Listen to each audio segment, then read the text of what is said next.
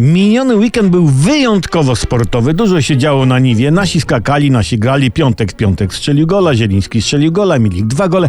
Ale najważniejszym wydarzeniem sportowym weekendu była wypowiedź pana premiera Morawieckiego na konwencji PiSu.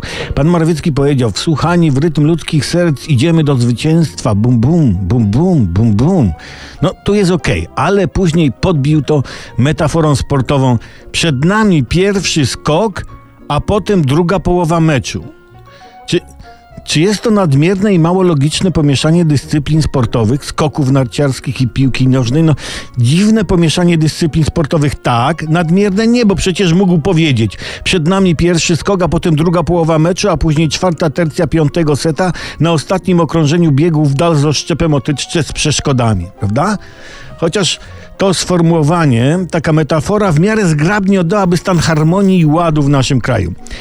E, Pomieszania z poplątaniem dostarcza też sytuacja kandydata Jakiego Patryka. Jak przeczytałem, Patryk Jaki, Opolanin, był kandydatem na prezydenta Warszawy, a teraz w eurowyborach wystartuje w Krakowie jako kandydat z Kielc. No, to, to jest duży skok w trzecią połowę meczu. Czy nie lepiej byłoby startować nie z Kielc, ale z peronu we Włoszczowej? No, być może. No i tak sobie gadają, ci politycy gadają. Jak to mówią w PiSie, mowa jest srebrną, a milczenie za złote.